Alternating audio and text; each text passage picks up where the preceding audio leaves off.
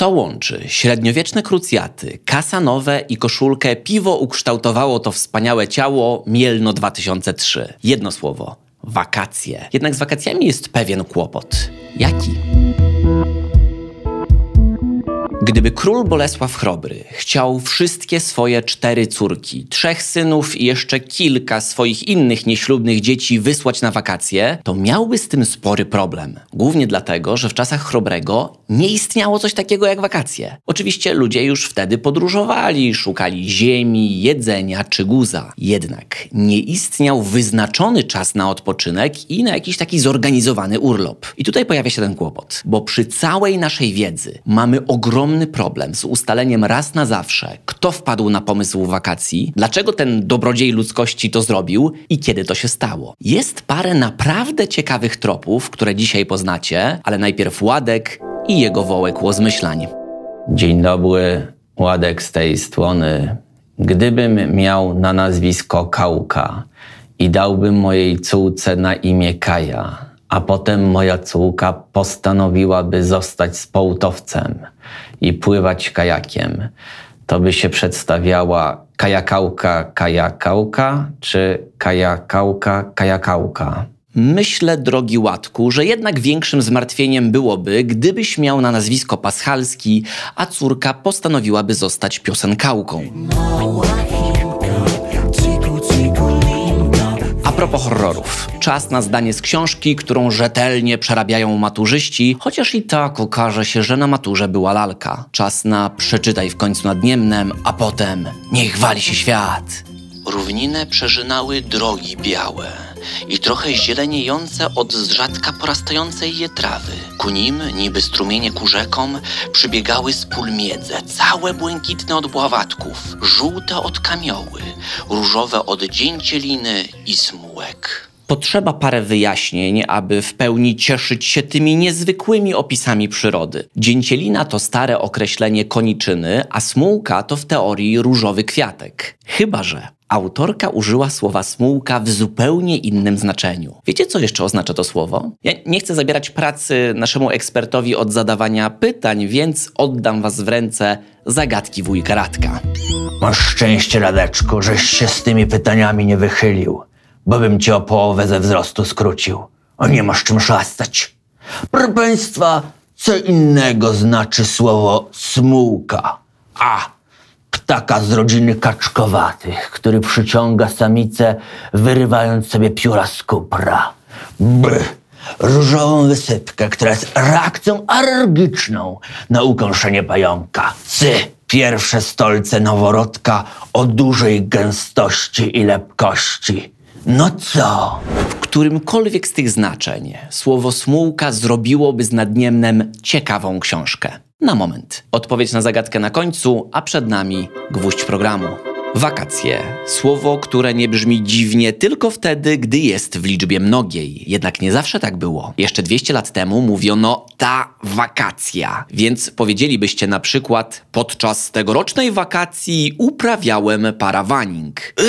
Nie wiem czemu, ale słowo wakacja powoduje u mnie fizyczny ból. Zupełnie jak wtedy, gdy ktoś dziękuje mi za coś słowami podziękował. Nie możesz powiedzieć dziękuję? Na całe szczęście dzisiaj używamy wakacje. Ale właściwie czemu dokonała się taka zmiana? Według doktora Macieja Malinowskiego wakacja oznaczała przerwę w nauce w szkołach jezuitów i ta wakacja trwała nieco ponad miesiąc i przypadała na cały sierpień. Kiedy później już powszechniej wydłużono przerwę od szkoły z jednego do dwóch miesięcy, to z jednej wakacji zrobiły się dwie wakacje i w takiej formie to słowo zachowało się. W języku angielskim obok vacation znajdziemy też holidays, czyli dosłownie święte dni. Cóż w nich świętego? To słowo nawiązuje do mrocznych, dawnych czasów, gdy jedyna przerwa od pracy albo od nauki należała się raczej tylko z okazji ważnych świąt, najczęściej religijnych. Tysiąc lat temu ludziom nie przyszłoby do głowy, aby zostawić na tydzień pracę w polu i nad morzem podładować baterie, opalić się trochę, czy zjeść zapiekankę za 30 zł. W ich głowach dzień bez pracy równał się z dniem na jakieś religijne obowiązki. Dlatego w starożytności słowo ferie oznaczało dosłownie dni poświęcone dla któregoś z bóstw, a niekoniecznie jeżdżenia na nartach.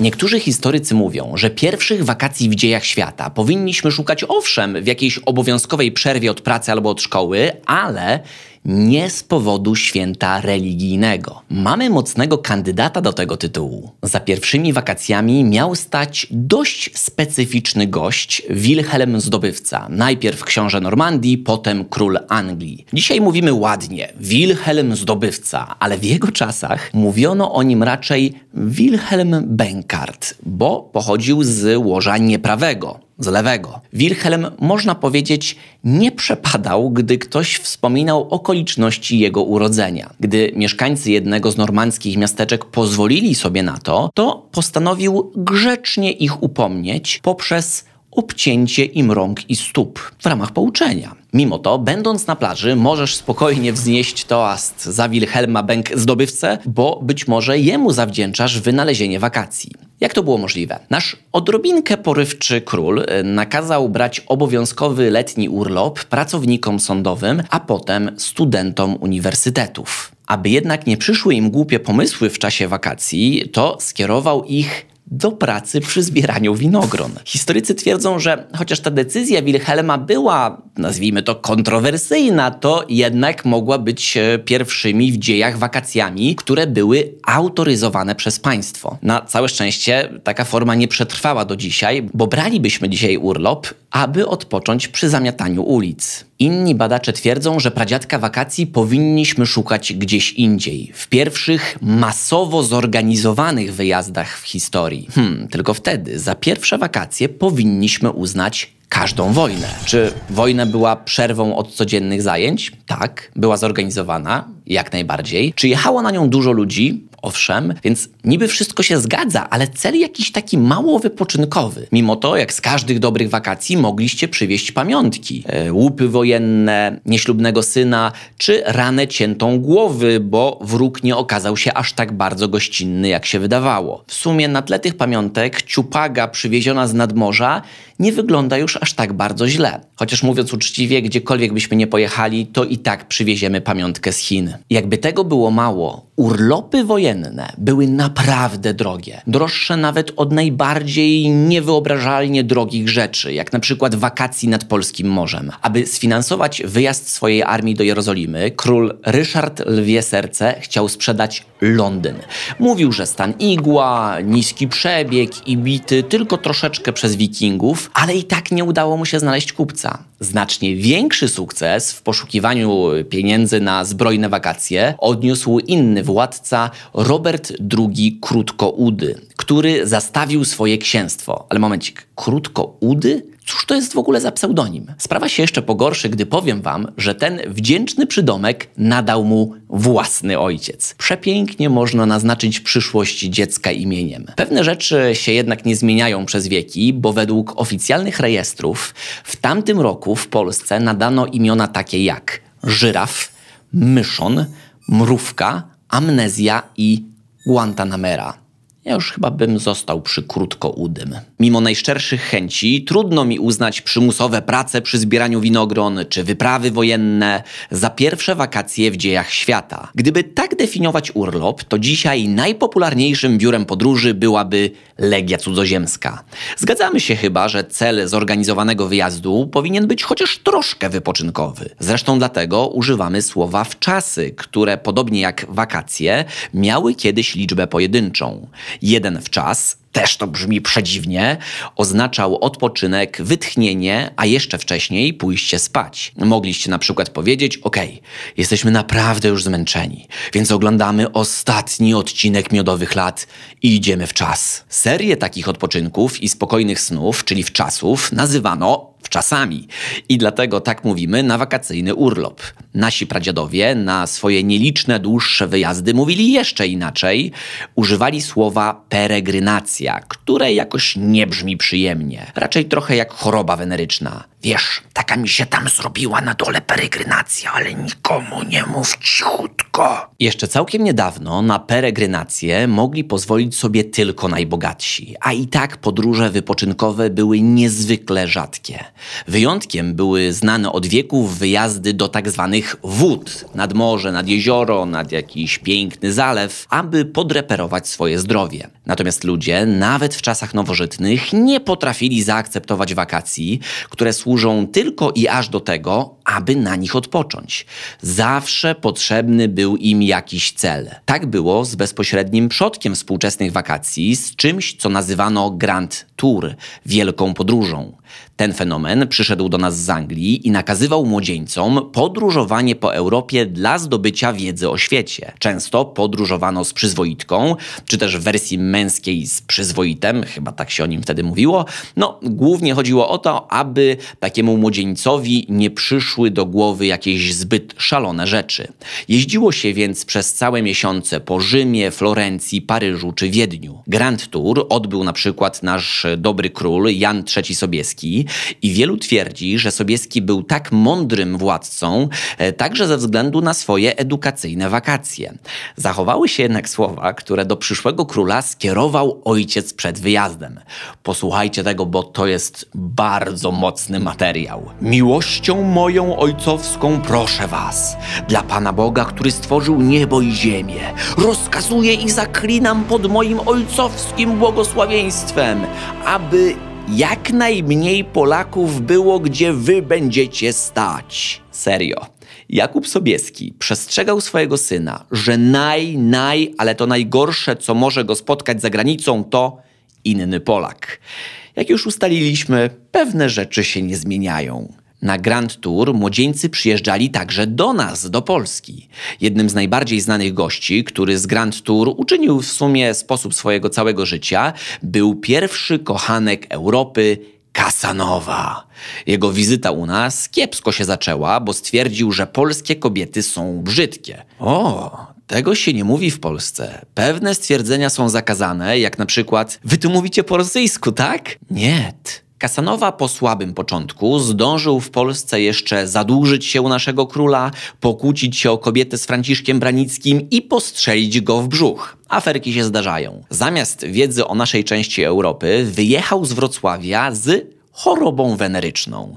Nie do końca do tego służył Grand Tour. Niektórzy młodzieńcy z takich edukacyjnych wakacji przywozili nie do końca prawdziwe informacje. Znana jest opowieść o młodym Polaku, który skrócił swoje Grand Tour po Włoszech, bo uwaga, bał się zimy.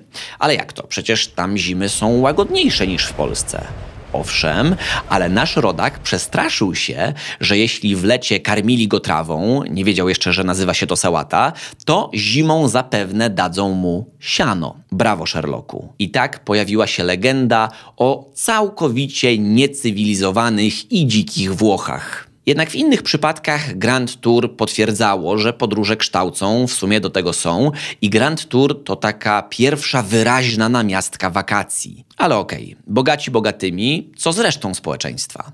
Chłopi o wakacjach mogli zapomnieć. Grand Tour no, jeśli Grand Tour definiujemy jako spacer z pola do domu, to zdecydowanie tak. Mieszczanie podobnie słabo. Jeśli ktoś miał rodzinę za miastem, to mógł ją odwiedzić albo odesłać tam dzieci na lato. E, w jednym i w drugim przypadku była to niemała wyprawa, dlatego że jeździło się konno albo dorożką. Natomiast gdy nie mieliście swojej, to mogliście kupić bilet w dyliżansie pocztowym. Naprawdę. Ludzie 200 lat temu jeździli po Polsce obok listów, ale poczta była pewna i szybka. Jak szybka? Podróż z Krakowa do Warszawy trwała zaledwie 22 godziny. Pamiętam to jak dziś. Długo to było. Wszystko zmieniła dopiero kolej żelazna, która na niektórych odcinkach jeździła szybciej niż współcześnie. Pociągi wzbudziły także w narodzie pociąg do podróżowania tylko i aż dla wypoczynku. Plaże nad wodą zaroiły się od pań w skąpych strojach. Te stroje zakrywały tylko głowę, barki, ramiona, dekolt, piersi, brzuch, pas, uda, łydki i stopy. Poza tym odsłaniały wszystko. Nieco później, przed wojną, Polacy byli na najlepszej drodze, by mieć regularne i zasłużone wakacje. Niestety nie udało się, bo we wrześniu 39 na wakacje przyjechali do nas Niemcy i tak się im u nas spodobało, że polecili tę wycieczkę Rosjanom i ci przyjechali do nas trzy tygodnie później. E, Wszystkim no, było tutaj tak bardzo dobrze, że postanowili zostać troszkę dłużej. O dziwo, nowym otwarciem dla milionów Polaków okazał się PRL. Urlopy obok likwidacji analfabetyzmu były na sztandarach jedynej słusznej partii.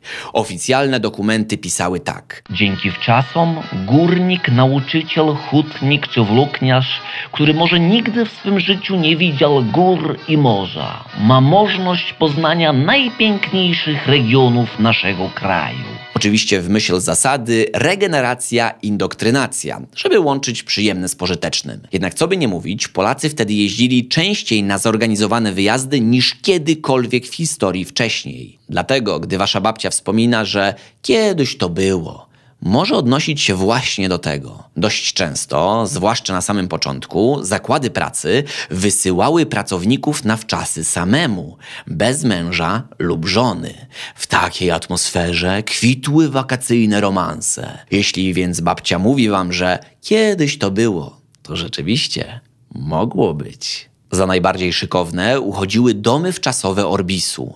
W tamtym czasie trzeba było mocno pokombinować, aby się w nim znaleźć. Kombino... Kombinowanie skończyło się wraz z powiewem wolności w latach 90. Wtedy tysiące Polaków zaczęło jeździć regularnie do Włoch, Hiszpanii czy Francji. Można było zobaczyć to w końcu, o czym wcześniej tylko się słyszało. Wieże Eiffla, rzymskie koloseum czy wszechobecne śmieci na ulicach Londynu. Specjaliści tacy jak William Chalmers twierdzą, że po raz ostatni do tej pory nasze podróżowanie radykalnie zmieniło się wraz z pojawieniem się internetu, który pozwolił przeglądać i porównywać oferty, a następnie zarezerwować wakacje bez konieczności uśmiechania się do pani, która w zakładzie pracy przydziela kwatery. Dzięki internetowi spadły też ceny zagranicznych wyjazdów, więc nie musieliśmy, podobnie jak nasz przyjaciel Robert II Krótkoudy, zastawić kraju, aby gdzieś pojechać. Na stronie dumnego partnera dzisiejszego odcinka, serwisu wakacje.pl, możemy w chwilę zorganizować wyjazd gdzie tylko chcemy, nawet na Antarktydę.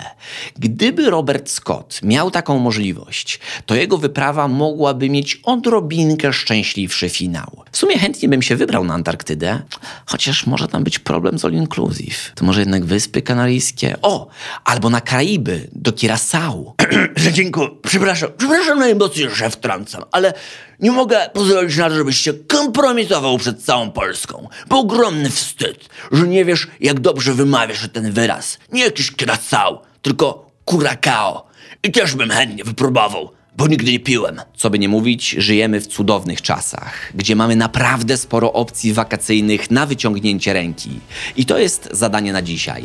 Pomyślcie o tym lub wpiszcie w komentarzu, jeśli macie taką ochotę, żeby zalogować się na YouTube'a, gdzie chcielibyście spędzić wymarzone wakacje. Bardzo chętnie poczytam Wasze odpowiedzi lub po prostu o tym pomyślcie, tym bardziej, że wakacja coraz bliżej. Dziękuję za dzisiaj. Do usłyszenia następnym razem. Została nam jeszcze poprawna odpowiedź na zagadkę wujka Radka. Tym razem to C. Chodzi o ten niezbyt może przyjemny i elegancki niemowlęcy wątek. Gdybyśmy go jednak włączyli do nadniemnem, to zdanie pola miedzy wypełnione dzięcielinami i smułkami nabrałyby nowego sensu. Sensowne jest także subskrybowanie Polimatów 2 w formie podcastu i skomentowanie go, jeśli masz taką możliwość. Najmocniej, nieustająco dziękuję Wam za te aktywności, one naprawdę sporo znaczą. Trzymajcie się ciepło, do usłyszenia.